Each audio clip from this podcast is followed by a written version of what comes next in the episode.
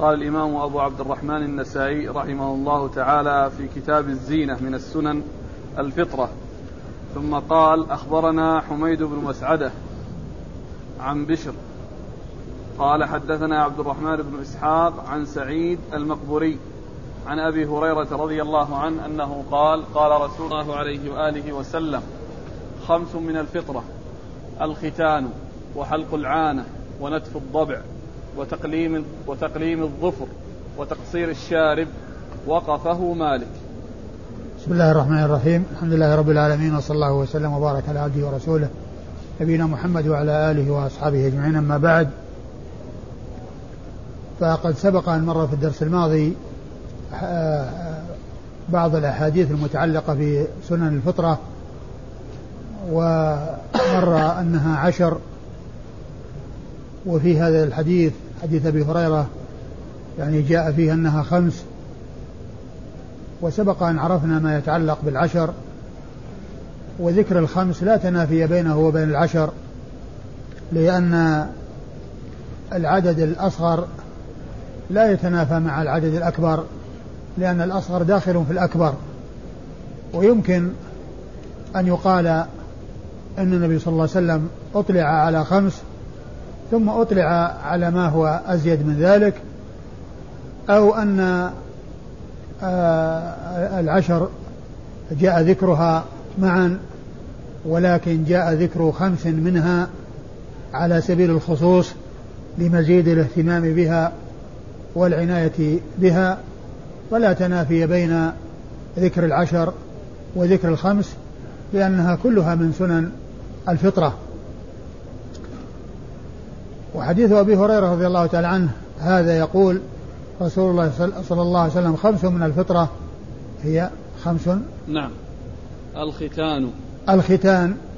وقد عرفنا في الدرس الماضي أن الختان فائدته هي حصول كمال النظافة وكمال الطهارة لأنه إذا وجدت الغلفة التي على رأس الذكر لم تقطع فإنه عند الوضوء يكون في داخلها شيء من بقايا البول عند عند قضاء الحاجة ولكنها إذا كانت الغلفة قد أزيلت فإن فإنه لا يبقى مثل هذا الأثر الذي فيه إخلال بالنظافة إخلال بالطهارة. الختان وحلق العانة. وحلق العانة وهو حلق الشعر الذي حول الفرج. وجاء في بعض الروايات التعبير بالاستحداد. يعني بدل خلق حلق العانة يأتي التعبير بالاستحداد وهو حلق العانة لأنه إزالته الشعر بالحديدة التي هي الموسى. فيقال الاستحداد يعبر عنه بالاستحداد وهو بمعنى حلق العانة تماما. إلا أن ذكر الاستحداد يعني إزالة الشعر بالحديدة التي هي الموسى. والاستحداد؟ ونتف الضبع. ونتف الضبع وهو الإبط كما سبق أن مر ونتف الأبط. وقد عرفنا الحكمة في ذلك وأنه مكان يعني آآ آآ مختفي تغطيه اليد. وغالبا ما يكون فيه العرق ويخرج منه أبخرة يعني ورائحة كريهة. فإزالته عن طريق النتف استئصال له وقطع له للشعر من أصله فيكون في ذلك آه، البعد عن آه، حصول آه، أشياء تكون في ذلك المكان وتساعد على حبس الأبخرة وحبس الروائح الكريهة فيكون في ذلك نظافة. أيوة. وتقليم الظفر. وتقليم الظفر كذلك أيضا عرفنا في الدرس الماضي أن أن الأظفار إذا لم تقلم فإنه يترسب الوسخ في داخلها وبينها وبين اللحم وبينها وبين الجلد. فعندما يتناول الإنسان الطعام بيده فإن تلك الأوساخ التي تكون بين أظفاره آه، يخرج منها شيء ويدخل مع الطعام وفي ذلك مضرة وهو شيء مستقذر. أيوه. وتقصير الشارب. وتقصير الشارب تقصير الشارب يعني آه، أخذ شيء منه إذا طال ولكنه لا يحلق ولا يترك طويلا وإنما يقص ويقصر. وقد عرفنا فائدة أو الحكمة من وراء ذلك وهو أنه إذا كان طويلا وترك فإنه عندما يشرب الإنسان الماء يعني ينزل هذا الشعر في الماء وفيه أوساخ وقد يترتب عليه يكون فيه غبار وكذلك قد يكون فيه آثار مما يخرج من الأنف فيكون في ذلك يعني آه، آه، شيئا آه، يترتب عليه مضرة فإذا قصر ولم يكن أو لم يحصل شيء من ذلك. نعم. وقفه مالك. وقفه مالك يعني سيأتي بعد هذا يعني بالإسناد الذي الذي وراءه. الإسناد. قال أخبرنا حميد بن مسعدة. حميد بن مسعدة هو صدوق أخرج حديثه مسلم وأصحاب السنن الأربعة. عن بشر. عن بشر بن المفضل وهو ثقة أخرج له أصحاب الكتب الستة. الرحمن بن إسحاق. عن عبد الرحمن بن إسحاق وهو صدوق أخرج البخاري في الأدب المفرد ومسلم وأصحاب السنن وهو صدوق أخرج حديثه البخاري في الأدب المفرد ومسلم وأصحاب السنن الأربعة. عن سعيد المقبري. عن سعيد بن أبي سعيد المقبري وهو ثقة أخرج له أصحاب الكتب الستة.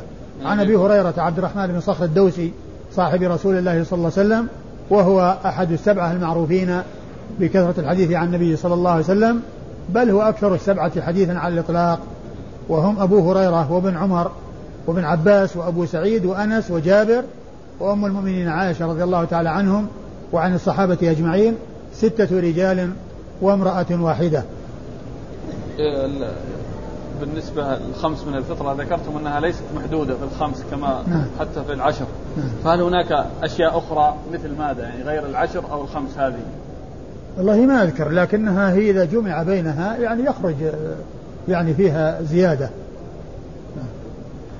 إذا جمع بين النصوص يتبين منها أن شيء ذكر هنا وشيء لم يذكر هنا والمجموع يزيد. لا يزيد عن العشر طبعا أما الخمس ما في إشكال. قال أخبرنا قتيبة عن مالك عن المقبوري عن أبي هريرة رضي الله عنه أنه قال خمس من الفطرة تقليم الأظفار وقص الشارب ونتف الإبط وحلق العانة والختان. ثم ورد النسائي الحديث وهو موقوف على أبي هريرة.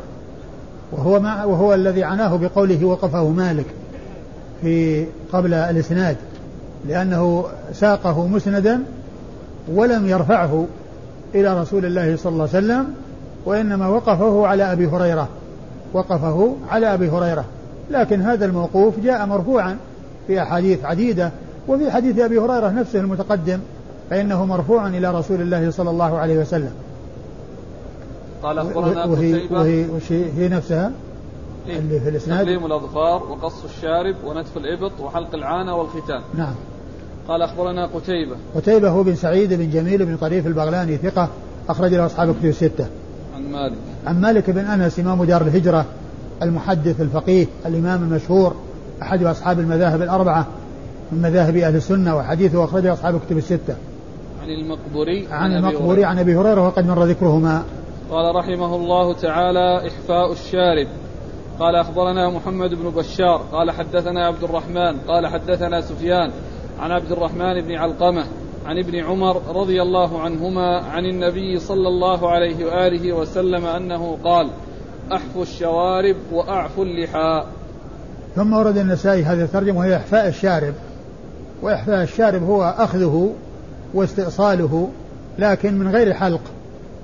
معنى أن أصول الشعر تكون موجودة ولا يحلق ولا يترك لا يترك بدون قص وأخذ ولا يحلق بحيث يستأصل كما يستأصل الشعر في الأماكن التي يستأصل فيها. وهذا من ما جاءت به السنة عن رسول الله صلى الله عليه وسلم. وأعفوا اللحى أي اتركوها موفرة لأن الإعفاء هو الترك ومنه عفت الديار يعني خلت من أهلها. وعفى بمعنى خلا عفى المكان يعني معنى خلا المكان. فالإعفاء هو الترك يعني تترك يعني بحيث لا يعني يؤخذ منها شيء لأن هذا هو الإعفاء هو الترك. يعني اتركوها موفرة. وجاء بألفاظ أخرى توفير وفروا وجاء أرخوا كل ذلك جاء فيما يتعلق باللحية. فإذا السنة والذي ثبتت به الأحاديث وجاء الأمر به من رسول الله صلى الله عليه وسلم هو إحفاء الشوارب وهو أخذها واستئصالها من غير حلق وإعفاء اللحى يعني تركها موفرة دون التعرض لها لا بحلق ولا بتقصير لا بحلق ولا بتقصير. وكل من الاثنين جاء الأمر به وإذا خولف يعني في الاثنين يعني في, في أي واحد منهما يكون الأمر سيء وفيه ترك لأمر مشروع وأمر واجب وإذا حصلت المخالفة في الاثنين يصير الأمر يعني شرا إلى شر وسوء إلى سوء. ولهذا فإن أخذ الشارب فإن حلق اللحية وإبقاء الشارب هذا من أكره المناظر وأقبح المناظر. يعني أقبح يعني هيئة في وجه الإنسان أو من أقبح الهيئات في وجه الإنسان أن يكون محلوق اللحية والشارب موفر بحيث ينزل على على على على الفم. هذه من أقبح الهيئات لأن فيها مخالفة السنة من جهتين. من جهة أن اللحية حلقت والشارب ترك والشارب ترك. لكن إذا أبقيت اللحية وأخذ الشارب هذا هو الذي فيه الحق والذي فيه المنظر الجميل. وكل ما بعد عن الحق كل ما كان أسوأ وأقبح. ولهذا فإن أخذ الشارب وأخذ اللحية أخذ الشارب مشروع وأخذ اللحية غير مشروع فإذا وجد الأخذ فيهما جميعا صارت المخالفة في اللحية والموافقة للسنة في أخذ الشارب لكن إذا حصل العكس بأن حلقت اللحية وأبقي الشارب صار المنظر كريها بالمرة. يعني من أكره ما يكون وأقبح ما يكون يعني هذا المنظر الذي خلفت فيه السنة من, السنة من الجهتين. نعم. قال أخبرنا محمد بن بشار. محمد بن بشار هو الملقب بن دار. البصري ثقة أخرج له أصحاب الكتب الستة بل هو شيخ لأصحاب الكتب الستة. عن عبد الرحمن. عن عبد الرحمن وهو بن مهدي البصري ثقة أخرج له أصحاب الكتب الستة. عن سفيان. عن سفيان هو بن سعيد بن مسروق الثوري ثقة فقيه وصف بأنه أمير المؤمنين في الحديث وحديثه أخرجه أصحاب الكتب الستة. عن عبد الرحمن بن علقمة. عن عبد الرحمن بن علقمة ويقال بن أبي علقمة وهو ثقة أخرجه البخاري في خلق أفعال العباد والنسائي. وهو ثقة أخرج حديثه البخاري في خلق أفعال العباد والنسائي. عن ابن عمر. عن ابن عمر في خلق أفعال العباد. شوف شوف التقريب. عين خاء سين. اي عين خاء سين. ها؟ اي إيه، طيب. البخاري في خلق أفعال العباد والنسائي. إلا إذا كان الذي قبله. ويش؟ الذي قبله؟ عبد الرحمن بن علقمة اثنان. أيوه. اثنان. أي. الثاني وش الأول؟ الأول عبد الرحمن بن علقمة أو ابن أبي علقمة يقال له صحبة وذكره ابن حبان في ثقات التابعين. يعني هو يروي عن ما مك... ما ندري عنه. لا هو يعني ما قال يروي من طبقة كذا؟ قال إنه لا قال له صحبة. له صحبة. طيب وش الثاني؟ الثاني من الطبقة الرابعة. وهذا يروي عن من؟ هنا يروي عن ابن عمر. عن ابن عمر. يعني هذا إذا هو الأول. هذا الذي هو ابن أبي علقمة. هو كلاهما. لا بس هذا من الرابعة بس هذا من الرابعة يعني متأخر. وهذا له صحبة. وقيل من ثقات التابعين. وهذاك وش قال فيه؟ عبد الرحمن بن علقمة أو ابن أبي علقمة المكي ثقة من الرابعة. ثقة من الرابعة؟ أي. أيوه. ثقة من الرابعة. هذا اللي هو آه، خرج له من؟ أي واحد. هذا اللي هو من الرابعة. أيوه. البخاري في رفع عباد والنسائي. والثاني. أبو داود والنسائي. أبو داود والنسائي. أي. إيه. بس الذين من الرابعة يروون عن الصحابة أليس كذلك؟ إلا إلا بس يعني هو ابن عمر من صغار الصحابة يعني صح. ممكن أن يدركه. ما قال متى توفي؟ لا. ما ذكر وفاته؟ لا. على كل يتحقق يعني أي الاثنين. أي الاثنين. يعني هل هو ذا ولا ذا؟ نعم عن ابن عمر. عن ابن عمر عبد الله بن عمر بن الخطاب. رضي الله تعالى عنهما وهو صحابي الجليل أحد العبادلة الأربعة من أصحاب رسول الله صلى الله عليه وسلم وأحد السبعة الصحابة وأحد الصحابة السبعة المعروفين بكثرة الحديث عن النبي صلى الله عليه وسلم. قال أخبرنا عمرو بن علي قال حدثنا عبد الرحمن قال حدثنا سفيان قال حدثنا عبد الرحمن بن أبي علقمة قال سمعت ابن عمر رضي الله عنهما يقول قال رسول قال رسول الله صلى الله عليه وآله وسلم أعفوا اللحى وأحفوا الشوارب. ثم ورد النسائي حديث ابن عمر رضي الله عنه من طريق أخرى وهو مثل الذي قبله إلا أن فيه التقديم والتأخير يعني بين الإحفاء والإعفاء. أيوه. قال أخبرنا عمرو بن علي. عمرو بن علي هو الفلاس البصري ثقة أخرج له أصحاب كتب الستة بل هو شيخ لأصحاب كتب الستة. عن عبد الرحمن عن, عن عبد الرحمن عن سفيان وقد مر ذكرهما. عن عبد الرحمن بن علقمة عن ابن عمر. عن ابن عمر وقد مر ذكرهم.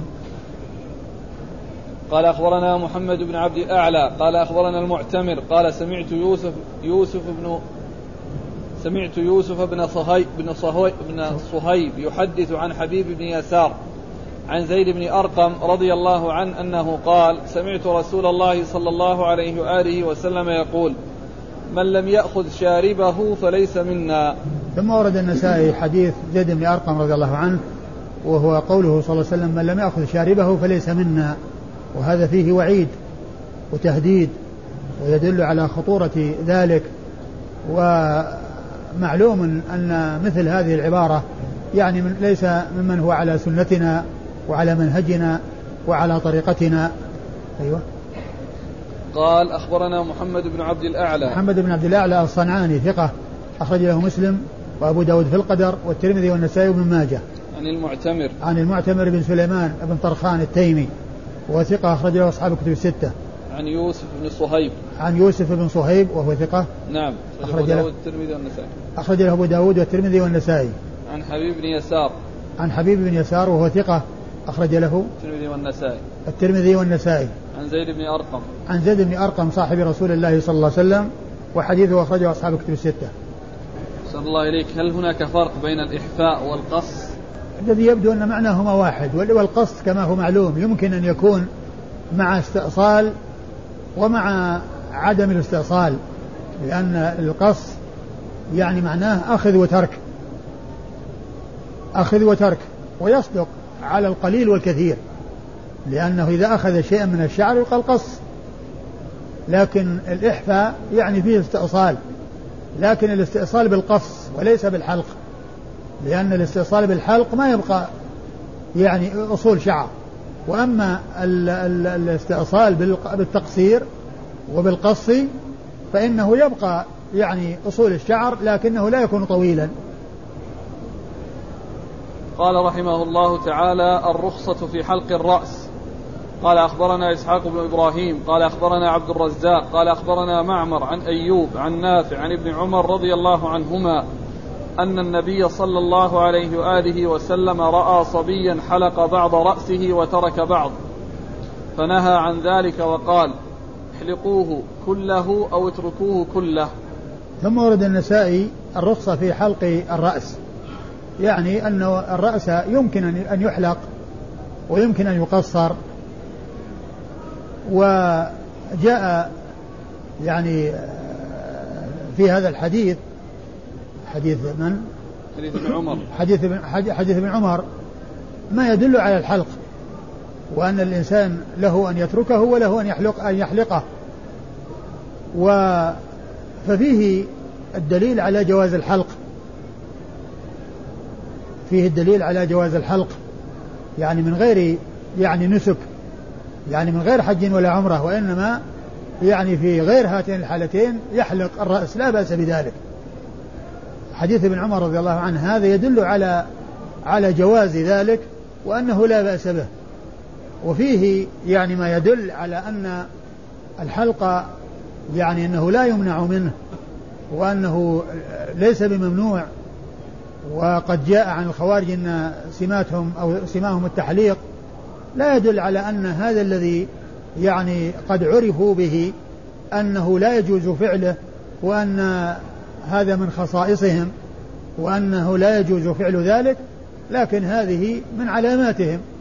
لكن لا يدل على أن هذا الذي هو من علاماتهم أنه آه لا يجوز فعله بل, بل جاء في السنة ما يدل على فعله كما جاء في هذا الحديث وغيره من الأحاديث. وكما جاء في هذا الحديث وغيره من الأحاديث.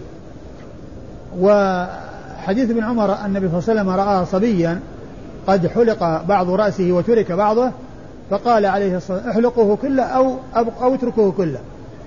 يعني لا يحلق البعض ويترك البعض وإنما يحلق الجميع أو يترك الجميع. فالترك سائغ وأخذه كله سائغ.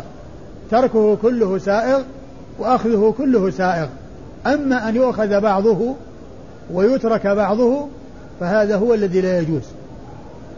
وهذا هو أحد المواضع التي لا يجوز فيها يعني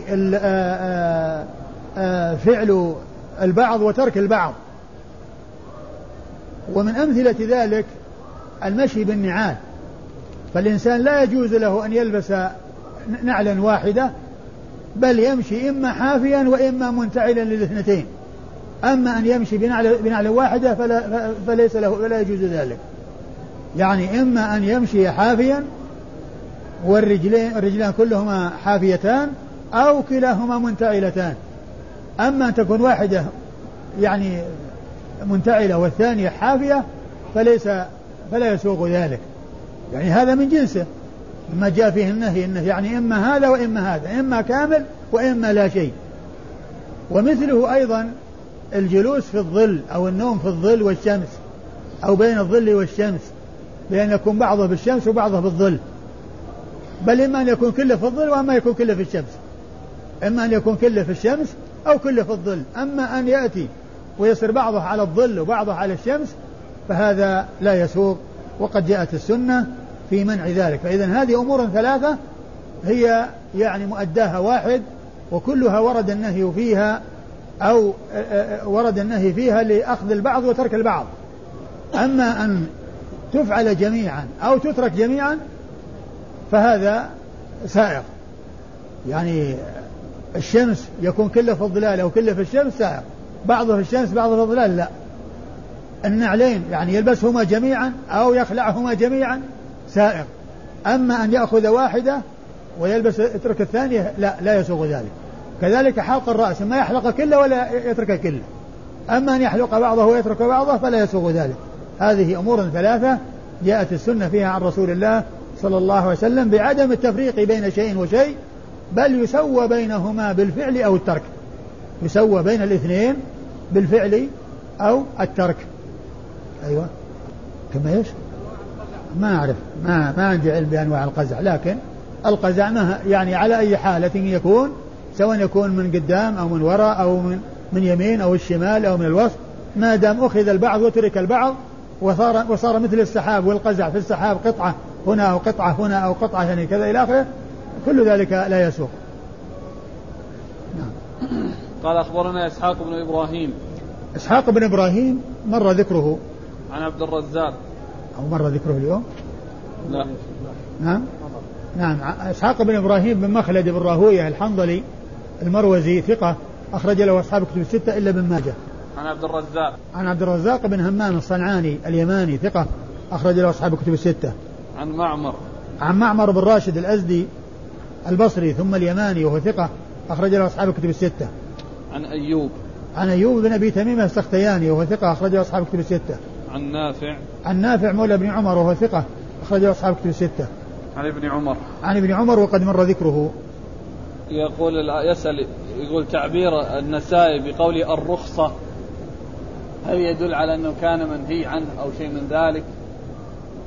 ما أعلم يعني لكن لعل يعني الشيء الذي جاء فيه ما يتعلق بالخوارج وأن سماهم التحليق وأن كذا وكذا يعني أن, أن, أن, أن, أن هذا الشيء ليس من خصائصهم بل إنه يسوغ أن آه، يحلق الرأس.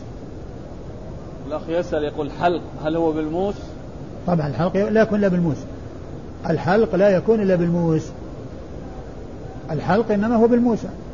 يعني إزالة الشعر من أصوله يكون بالموسى. الآن في قصة أنه يخفف. بس ما يدل له حلق لأن أصوله موجودة. طيب لكن هذه المكاين التي تأخذ المكاين الكهربائية اللي تأخذ الشعر يعني طبعا هو درجات درجة يبقى شعر كثير ويعني درجة ما يبقى إلا يعني الأصول. هذا ما يقال له حلق هذا تقصير. الحكم الحكم الآن أنه يأخذ من بعض أطراف الرأس. لا لا لازم كله يسوى كله يسوى بينه يعني يعني حلقا أو تقصيرا. قال رحمه الله تعالى النهي عن حلق المرأة رأسها. قال أخبرنا محمد بن موسى الحرشي. قال حدثنا أبو داود قال حدثنا همام عن قتادة عن خلاس عن علي رضي الله عنه أنه قال نهى رسول الله صلى الله عليه وآله وسلم أن تحلق المرأة رأسها. ثم ورد النسائي النهي النهي نعم. النهي عن حلق المرأة النهي رأسها عن النهي عن حلق المرأة رأسها. يعني هذه الترجمة يعني كما هو واضح من لفظها يعني نهي المرأة عن أن تحلق رأسها والحلق يكون بالموسى. والحلق يعني معروف أنه بالموسى. ومن المعلوم أن وأورد النسائي حديث علي بن أبي طالب رضي الله عنه. نهى رسول, رسول الله صلى الله عليه وسلم أن تحلق المرأة رأسها. والحديث يعني في فيه كلام يعني في إسناده ويعني وضعفه بعض أهل العلم. ومن المعلوم أن حلق المرأة رأسها يعني من الهيئات الكريهة. يعني كونه يعني رأسها يكون محلوقا يعني هذا من أقبح ما يكون في النساء. بل الجمال هو في ترك الرأس وبقائه وبقاء الشعر عليها وهذا من محاسنها وهذا من جمالها. أما أن يحلق نهائيا ولا يبقى يعني إلا يعني الأصل الذي هو الرأس ولا يبقى للشعر شيء. هذا يعني منظر قبيح والمعروف عن يعني النساء في الجاهلية وفي الإسلام أنهن كنا يتركن الشعور ويعني ما أكثر الكلام فيها في الشعر والنثر وفي يعني آه، ذكرها وجمالها وما إلى ذلك فهذا من المحاسن. الذي تجمل به النساء. فيعني ترك الشعور وعدم التعرض لها لا بحلق ولا بتقصير هذا هو الأصل. لكن إذا كثر الشعر وشق على المرأة يعني آه، آه، خدمته وصيانته وصار عليها مشقة وأرادت أن تخفف يعني حتى لا ينالها بذلك مشقة لا بأس بذلك. أما أن يحلق أو يكون قريب من الحلق فهذا يعني غير سائغ. ثم إذا كان المقصود وكان الباعث على المرأة الباعث للمرأة على الأخذ من من الشعر استحسان ما عليه نساء الكفار وتقليدهن في ذلك فإن هذا لا يجوز للتشبه ومن أجل قصد المشابهة. أما إذا كان ما هناك يعني تفكير في مسألة الكفار وتقليد نساء الكفار في ذلك وإنما المرأة أرادت أن تخفف يعني من من شعرها لأنه يصعب عليها أن تقوم بخدمته وبتنظيفه وبالعناية به لطوله ولكثرته وأرادت أن تخفف لا بأس بذلك. نعم. قال أخبرنا محمد بن موسى الحرشي. محمد بن موسى الحرشي هو لين أخرج حديثه. الترمذي والنسائي. الترمذي أخرج حديث الترمذي والنسائي. عن أبي داود. عن أبي داود هو سليمان بن داود الطيالسي ثقة أخرجه البخاري تعليقا ومسلم وأصحاب السنة الأربعة. عن همام. عن همام بن يحيى وهو ثقة أخرجه أصحاب كتب الستة. ربما وهم. ثقة ربما وهم. أخرجه أصحاب كتب الستة. عن قتادة. عن قتادة بن دعامة السدوسي البصري وهو ثقة أخرجه أصحاب كتب الستة. عن خلاس.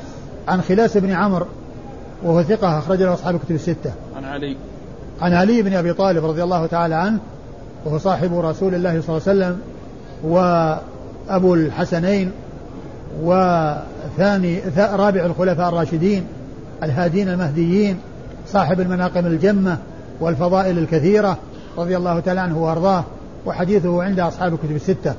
والله تعالى أعلم وصلى الله وسلم وبارك على عبده ورسوله نبينا محمد وعلى آله وأصحابه أجمعين.